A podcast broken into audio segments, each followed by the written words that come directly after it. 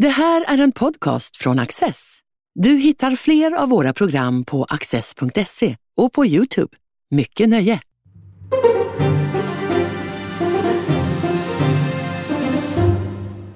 Välkomna till Studio Access.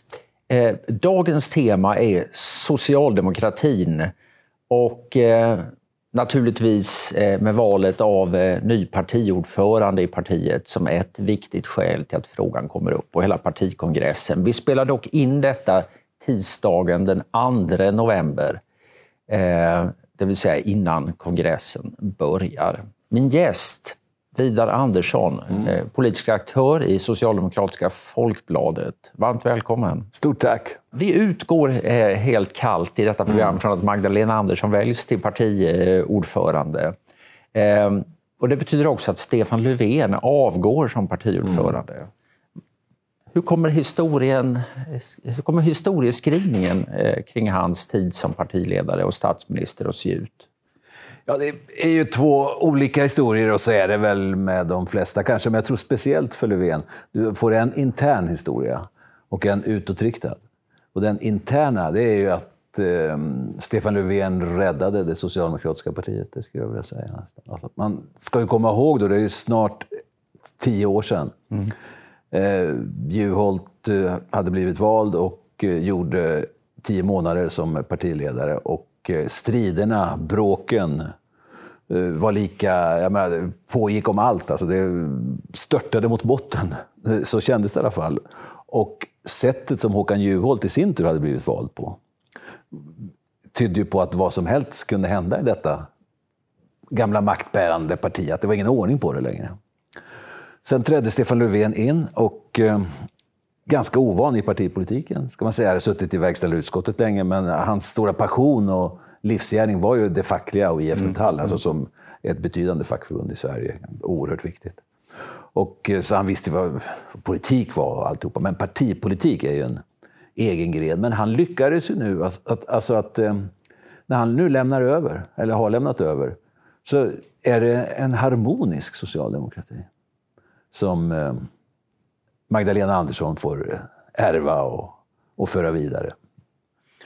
Ja, han vann sitt första val eh, 2014 mm. och, och sitt andra eh, ja. 2018. Ja. Och, eh, åtta år i regering är bättre än åtta år i, i opposition. Ja. Så det, det, kommer det att vara det allra viktigaste, ja, menar du, i den interna historieskrivningen? Ja, och det är det som skapar harmonin. Och, och jag förvånas, jag tror att det är extra starkt nästan när man ser de olika mätningarna som opinionsföretag olika gör, vad, vad, vad, folk tycker om Sverige går åt fel håll eller rätt håll, eller vilka frågor är mm. allvarligast och störst problem med, så är det ju en enorm skillnad. Det är alltid skillnad mellan partister av, till mm. höger och mm. vänster. Men här är sån, en väldig nöjdhet med sakernas tillstånd strömmar ut så att säga, från dem de som eh, identifierar sig som Socialdemokraterna som är med i de här undersökningarna. Mm. Det är en himmelsvid skillnad. Alltså. Ja, naturligtvis jämfört med Sverigedemokraterna, men även med moderata väljare. Det är en väldig skillnad. Man kan ju dock säga att de som så att säga, befinner sig utanför socialdemokratin är numera betydligt fler än de som befinner sig eh, inom den. Ja. Och så historieskrivningen kommer ju inte bara att handla om hur bra det var att han regerade utan också vad som hände under hans eh, regeringstid. Mm. Och eh, vi har eh, mycket stora problem med brottsligheten, mm. jobben.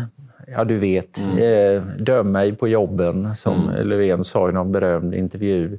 Energiförsörjningen blir allt svajigare. Mm. Är, om du tar ett steg tillbaka här och eh, eh, blir lite mindre inifrån och lite mm. mera utifrån, ja, vad tänker du då? Nej, alltså på sätt och vis började det ganska bra. Man fick ju till en hel del överenskommelser. Alltså med eh, riksdagen, vilket man var ju tvungen att göra. Det är en väldigt skröplig minoritetsregering. Vad är det nu? Vad har de? 116 mandat, Socialdemokraterna och Miljöpartiet mm. ihop. Mm. Alltså det är en tredjedel av riksdagen.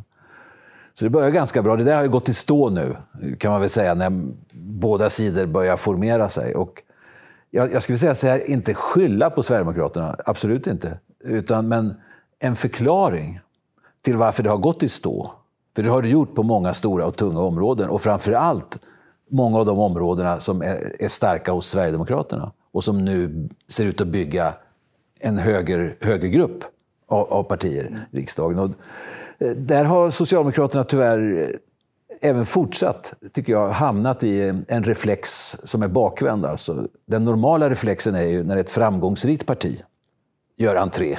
Typ när Miljöpartiet tog miljöfrågorna, då ville ju alla bli miljöpartister. Eh, Eller inte partister, men man började skriva miljöprogram och, och, och sådant. Och, eh, men när Sverigedemokraterna etablerar sig så blir det nästan tvärtom. Att reflexen är att försöka tala så lite som möjligt om de här frågorna. Alltså att man, man tänker det kommer inte bli vår hemmaplan i alla fall. Eh, med kriminaliteten, med den höga invandringen, med integrationsproblemen. Och, eh, eh, vilket då har gjort att problemen har fått eskalera på, en del områden. Vad kommer då valet av Magdalena Andersson att betyda för detta? Ja, alltså hon har ju, precis som vi sa inledningsvis, att de här första, eller Löfvens åtta år nästan då som eh, statsminister, men ändå gav Socialdemokraterna åtta år i regeringsställning. Eh, hennes stora uppgift och mission är ju att förlänga den sviten. Eh, hon har ju bara tio månader på sig ungefär, fram till det riksdagsval. Och ehm, det är väldigt jämnt och väldigt mycket osäkert i svensk politik. Så hon kommer in med en ny röst. Hon kommer, in, eh, hon kommer att göra vissa förändringar i personkretsen naturligtvis. Och eh, hon kommer nog att, och förändra också tyngdpunkten i, i politiken. Det tror jag. Att eh, mer ges in. Alltså mer, eh, mer retoriskt elegant. Löfven har ju inte orden med sig, som Göran Persson sa. Alltså, gillar inte de här debatterna, utspelen och så vidare. Margaret, Magdalena Andersson är en annan sorts politiker. Och, eh, och eh, det kommer att synas. Alltså det, jag tror man kommer få se en mer sammanhållen offensiv alltså i, i, en del av de här frågorna med kriminalitet, brottslighet, migration, ordning och reda.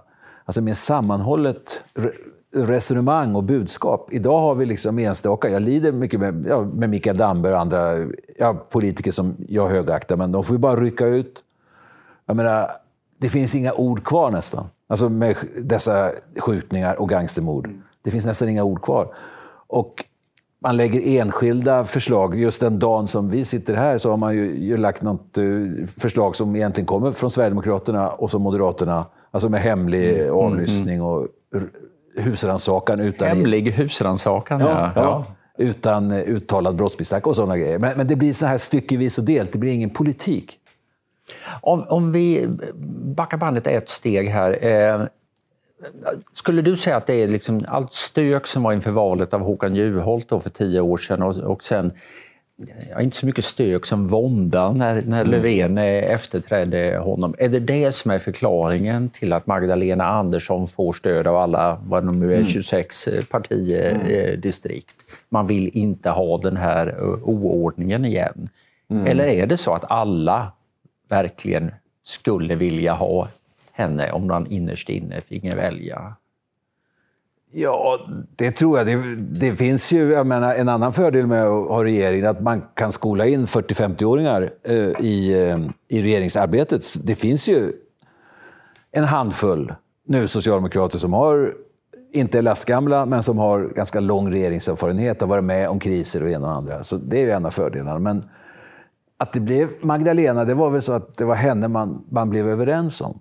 För eh, jag tror så här, och det här vet jag inte, utan det är en spekulation. Mm. Ja. Mm. Jag tror det var så här, alltså att, att Löfven skulle ha gått lite tidigare. Alltså att planen var det. Va?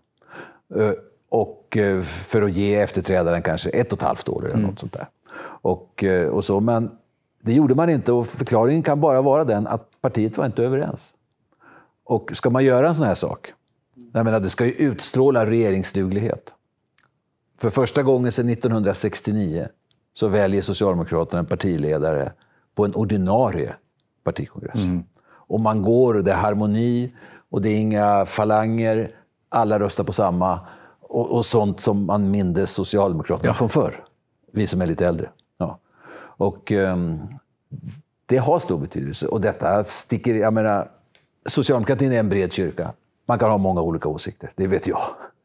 Och, eh, men eh, i avgörande ögonblick måste man vara lojal. Det är det som binder ihop partiet. Mm. Jag sa att vi utgår helt kallt ifrån att Magdalena Andersson väljs till ny eh, partiordförande, mm. även att vi spelar in före eh, kongressen. Du verkar utgå lika kallt från att hon också blir statsminister. Är det helt självklart? Man vet inte, man ska inte överdriva eh, att partipolitiker tänker i flera led. Utan mycket handlar ju om att... Ibland skjuter man från höften. Men det här, det skulle förvåna mig om man inte har liksom eh, gjort upp med Centerpartiet och Vänsterpartiet. Och, och naturligtvis med Miljöpartiet. Att eh, man kommer att acceptera Magdalena Andersson som, eh, som statsminister. Mm. Annars så kan man ju riska att man slänger alltihopa, det här fina förarbetet på Hälleberget. Det, jag håller det för otroligt, men som sagt, man vet, det, det här kan ha varit så. Att man... Även när man läser tidningarna idag så känns det ju smått bisarrt.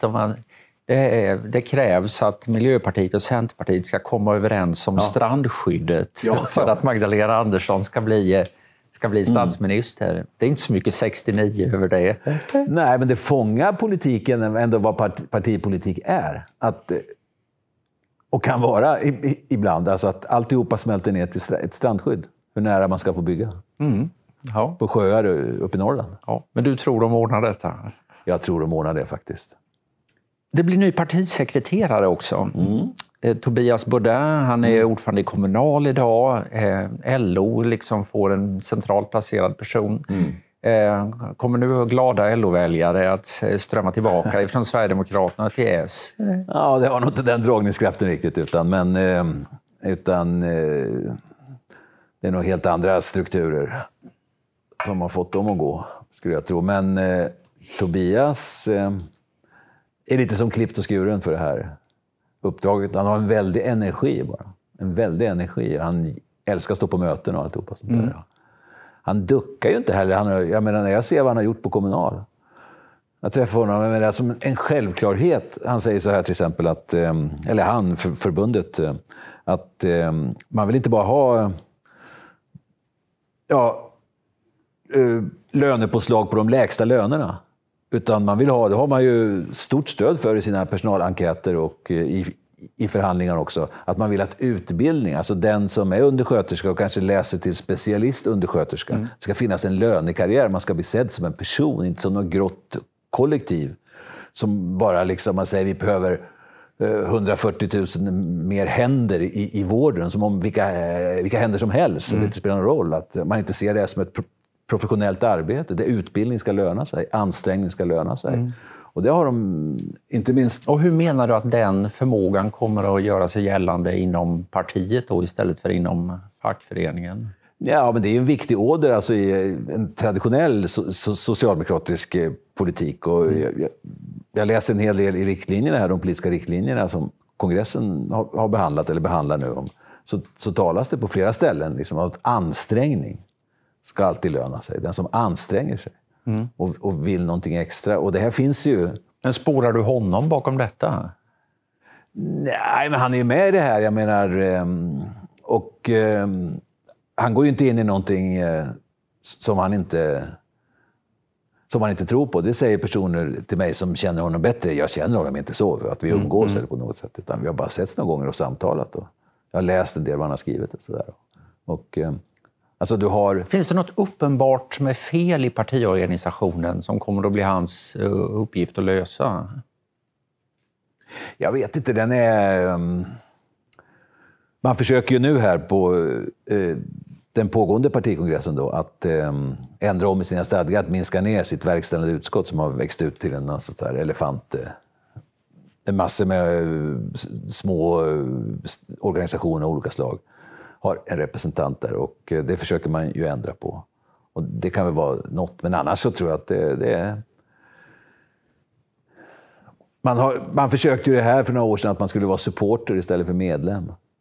Att man, man gjorde så, mm. var supporter och så vidare. Och, um, det föll inte så väl ut kanske. Utan, uh, sen är det inte så många medlemmar heller. Och, och det där är hela tiden en balans mellan, uh, mellan medlemmar och väljare. Och det skiljer ganska mycket mellan medlemmarnas uppfattningar och väljarnas uppfattningar. Mm. Men det är ju ingen nyhet, men det gäller då att balansera det där så att inte... Ja, säg att det ställs krav på medlemsomröstningar i vitala frågor eller partiledare eller partipolitik, jag menar, då är ju, då är ju Socialdemokraterna borta med vinden, om man säger så, ganska snabbt. Du pratade om, eh, om 69, eller vi pratade om 69 tidigare. Och det, mm. ja, eh, det var en eh, tid när S och LO verkligen var eh, mycket intimt sammanflätade. Ett par som drog åt samma håll och, mm. eh, och utövade ja, en stor, eh, stort inflytande, hade stor makt över ja. det svenska samhället. Hur mycket betyder LO, den där LO-kopplingen idag? Ja, det betyder mycket. Om man tar för Stefan Löfven, så ska vi säga, och för det här arbetsrättsavtalet. Mm. Att Metall, IF Metall och Kommunal, som är de mest riktigt socialdemokratiska förbunden, det är socialdemokratin förkroppsligat, mm. som jag ser det. Alltså som arbetargrabb egentligen. Alltså, de är, eh, det är socialdemokratin. Och när de slöt upp då på Löfvens sida, vilket de ju gjorde, eh, i, när det gäller arbetsrättens förändring där, och gick med i det här avtalet som fanns med tjänstemännen, så betyder det oerhört mycket. För Stefan Löfven personligen naturligtvis som facklig ledare, egentligen i grunden, men också för, för Socialdemokraterna. Det gav legitimitet åt det, åt det här. Och eh, det betyder fortfarande mycket. Det är många hundratusentals röster. Och eh, mycket bra folk har kommit därifrån. Alltså som med, har fötterna på jorden. Det betyder mycket. Fast mindre naturligtvis. Ja, men alltså, traditionellt var det ju ett, ett, stort och viktigt flöde därifrån, ja. men det har väl eh, tunnat ut en del med åren? Ja, det har det gjort naturligtvis. Ja. Och framförallt eh, Sverigedemokraternas inbrytningar i, i arbetarleden, om man säger så. Ja, men det är väl det man kanske har lust att vända då? Är Bodin mannen att vända det? Ja, jag tror inte det finns någon man eller kvinna som enkelt vänder det. Jag tror de det verkar ju vara så när man läser undersökningar och när man pratar med folk. Jag känner ju många socialdemokrater som numera är sverigedemokrater. Mm. Många bra, vanliga människor. Och eh, det känns inte som de är på språng tillbaka till socialdemokratin. En och annan naturligtvis, det är ju mm. mm. viss rörelse. Utan, men vi förlorar nog... Snart så kommer ju den stora SCB e här för eh, mm. partisympatiundersökningen. Och i maj majundersökningen i år, 2021, så förlorar vi fortfarande sammanlagt, tror jag, ja, vi förlorar både till Moderaterna och till Sverigedemokraterna. Utan att vinna någonting, mer än någon stackars miljöpartist. Om vi ska ägna oss lite åt spekulationer i alla fall. Här. Det är ett år kvar till, eh, ja, lite knappt ett år kvar till valet. Magdalena, låt oss säga att Magdalena Andersson lyckas bli både partiledare och ja. statsminister. Vad, är, vad tror du, kommer det att ske någon tydlig kursändring eller är det, är det mest så att säga, en, en retorisk eh, förändring eh, som är att vänta? Ja, den stora frågan är så här hur, hur man kommer att svara på den eh, blockbildning, det får man säga, eller partigruppsbildning som pågår på den högra sidan. Mm. Mm. Där man har hunnit ganska långt i en del frågor där man är hyfsat överens, kan man ju säga. Då är frågan om vilket blir svaret då för Eh, på den socialdemokratiska sidan att försöka göra ett motsvarande, det vill säga på allvar närma sig Centerpartiet och Vänsterpartiet. Mm. Och det kommer ju bli oerhört spännande. Och förmodligen nödvändigt, så tänker jag i alla fall. Alltså, vi har ju en tradition på, på vår sida, så att säga, att, att det är mer, man behandlar andra partier, det är mer hugg och slag. Alltså att man, och till slut kommer överens. Man närmar sig inte liksom en ja, ett frändligt, vad säger man, vänligt eh, anslag mot varandra. Liksom, ofta. Nu har vi haft det här januarisamarbetet, men tillkomsten var ju allt annat än vänlig. Mm. Mm. Och var möjligt bara att man pekar ut en tredjedel av riksdagen som extremister och ytterkantspartier. Alltså, du har den här hugg och, slag, eh, hugg och slagsidan. Ja, om, om jag vore i Magdalena Anderssons kläder så skulle jag ju försöka på allvar. Alltså att, eh, försöka bygga någonting, alltså så man kan göra det trovärdigt att eh, det finns, eh, också på andra sidan, så finns det något någorlunda lite förutsägbart. Att man på allvar försöker att komma överens. Man kan ju säga att den här januariöverenskommelsen har, liksom, den har ändå trotsat någon sorts politisk eh, tyngdlag här. Och, mm. Eh, eh, med en socialdemokratisk regering som då har fått föra, sen kan man dividera om hur mycket det verkligen har blivit så, men mm. liksom, i alla fall skrivit under på att föra en, en i, i vissa avseenden rätt eh, tydligt eh, liberal mm. eh, politik. Den kunde ju komma till därför att den, man hade inte bett om förtroende för den i förväg, så att mm. säga. Utan det förelåg parlamentariska realiteter i riksdagen. Hur skulle man få ihop det här? Ja, det här blev till sist modellen. Går det att gå till väljarna med det erbjudandet? Eller något som liknar detta? Att vi, ska, vi bygger vår, vår, vårt regerande på samverkan med två partier till vänster om oss, MP och V.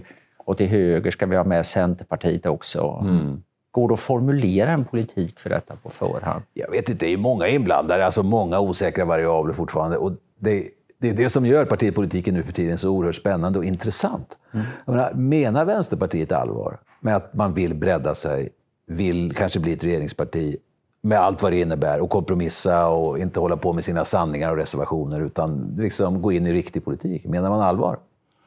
Hur långt är man i så fall beredd att gå? Och att Centern är med eh, med Socialdemokraterna. Det skulle kunna vara lite lugnande för allmänborgerliga väljare, men som ändå inte hatar socialdemokrater. Det vill säga att det här kommer inte gå allt för illa med strandskydd och mm. med företagande och med friskolor och sådana saker, utan det kommer att, ehm, det kommer att bli anständigt. Och ehm, ja, så. Alltså, det är inte omöjligt.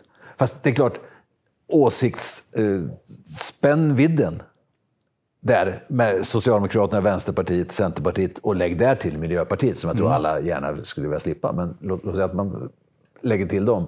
Den spännvidden är ju ja, som i den klassiska socialdemokratin. Alltså. Men alltså 2010 var ju Mona Sahlin ute och åkte tåg med Lars Ohly och med språkrören från ja. Miljöpartiet. Ser du liksom att SJ får sälja biljetter till Magdalena Andersson, Nooshi Dadgostar, Annie Lööf och språkrör? ja. för gemensamt eh, turnerande? Ja, vem vet. Alltså, du har ju en... Eh, det beror på om, om de här menar allvar. Alltså, och Socialdemokraterna menar alltid allvar med att man vill regera. Ja. Och då gör man väl olika bedömningar där. Alltså att, ehm, och det är därför jag säger att det här är bara spekulationer från min sida. Men antingen så går man ju samarbetsvägen och försöker göra den lite tydligare från början. Eller också så tänker man att nej, vi satsar stenhårt på att bara mobilisera våra egna. Vi fortsätter att, att varna för Hitler om eh, Kristersson blir statsminister. Vi fortsätter att vilja förbjuda allt som rör sig som man kan tjäna pengar på i skola och välfärd. Alltså mobilisera sina egna så man får så... Ja, så att man kanske kan få 28-29 procent en gång till. Slippa göra sitt sämsta val igen. Mm.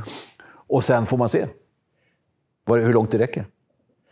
Det här med skrämselpropagandan, det har ju verkat vara en väldigt viktig del av strategin mm. eh, nu på sistone. Det här som eh, kallas för brunsmetning ja, och anklagar Kristersson och för, mm. ja, ja, du vet. Ja.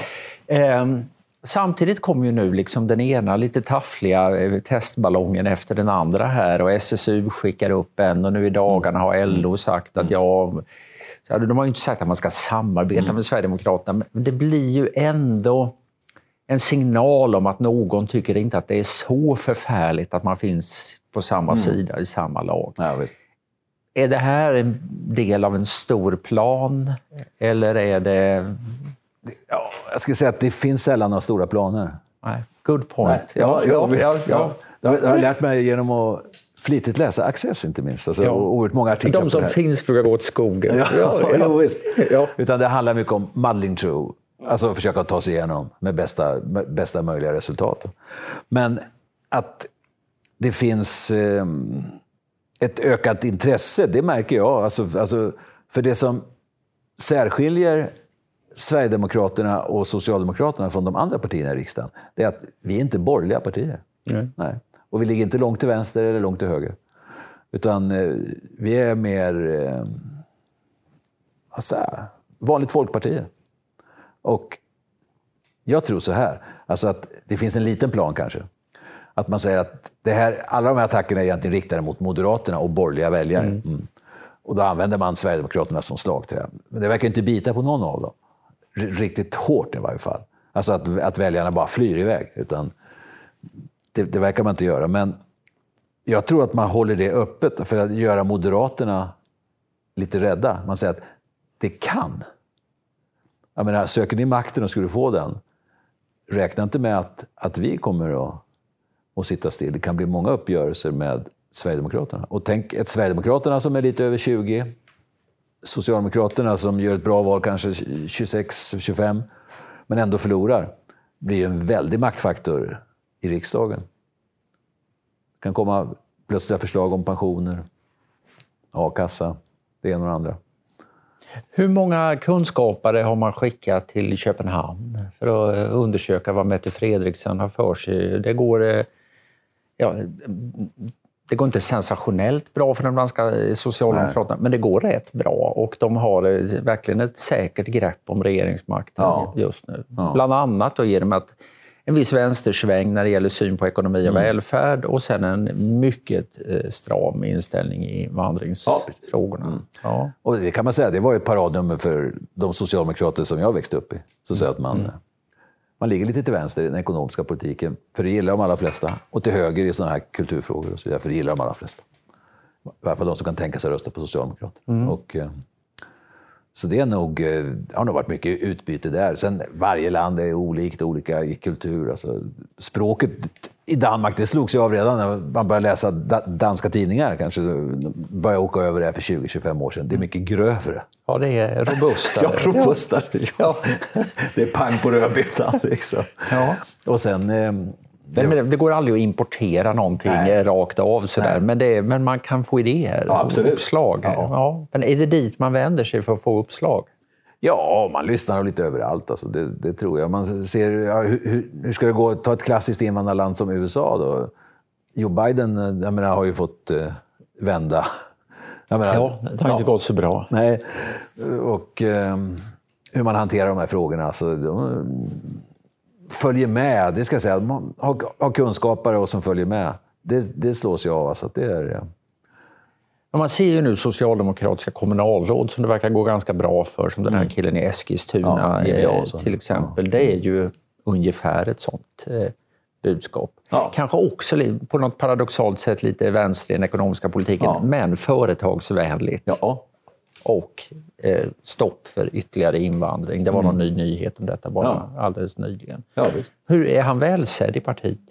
Ja, i stora delar av partiet är han väldigt välsedd. Ja. Och väldigt roligt att prata med honom. Och, alltså, jag är ju betydligt äldre än vad han är, men mm. mycket som förenar. Alltså sen, den, här, oh, den här fina pragmatiska inställningen. De har ju sånt där, ett, några eh, svåra utsatta orter då, som mm. är med på de här listorna. Och ett av dem nu har man ju startat alltså på kommunledningens, inte bara på Jimmy Janssons, utan på kommunledningens initiativ. Eh, eh så har man ihop med Engelska skolan då. Mm. Eh, de har startat en, en skola där, liksom, alltså i, i de värsta områdena. Och, och sånt där glädjer mig. Alltså. Jag menar, att de här barnen får en chans till några av de bästa skolorna vi har i Sverige. Ja, absolut. Men, ja. men att döma av riktlinjerna från partistyrelsen väcker inte detta några applåder på kongressen. Nej, Nej. Nej det, kommer, det, kommer, det kommer det aldrig göra. Jag, menar, jag har ju varit aktiv i det där, var ju ordförande för Friskolans riksförbund när jag satt i riksdagen för Socialdemokraterna. Mm. Och eh, har ju följt det ett kvartssekel. Och retoriskt har det inte hänt så mycket. Utan det som händer är att det blir fler friskoleelever och friskolor varje år.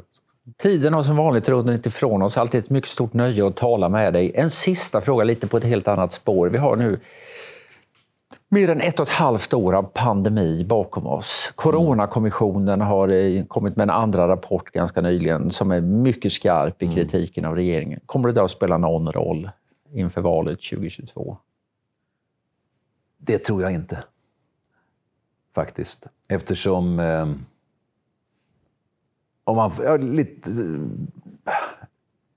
lite vanvördigt eh, kanske, jag menar, det är en allvarlig fråga. Oerhört många människor har mist anhöriga och, och många har, jag menar, det har begåtts många misstag. Men jag tror de allra flesta nu är väldigt trötta på det här. Mm. Jag tänkte på det, jag åkte, åkte med tåget, det är fullt. Liksom. Jag ser ingen som ens nämner, alltså man, man sitter nära varandra. Stockholm är fullt med folk och, mm. och man ser framåt. Och, vill inte hålla på och älta det där. Och jag tror inte det kommer bli något stort spåravfall i opposition. All right. Stort tack Vidar för att du har varit med. Du har just lyssnat på en podcast från Access. Du vet väl att vi också är en tv-kanal och tidning? Teckna en prenumeration idag på access.se.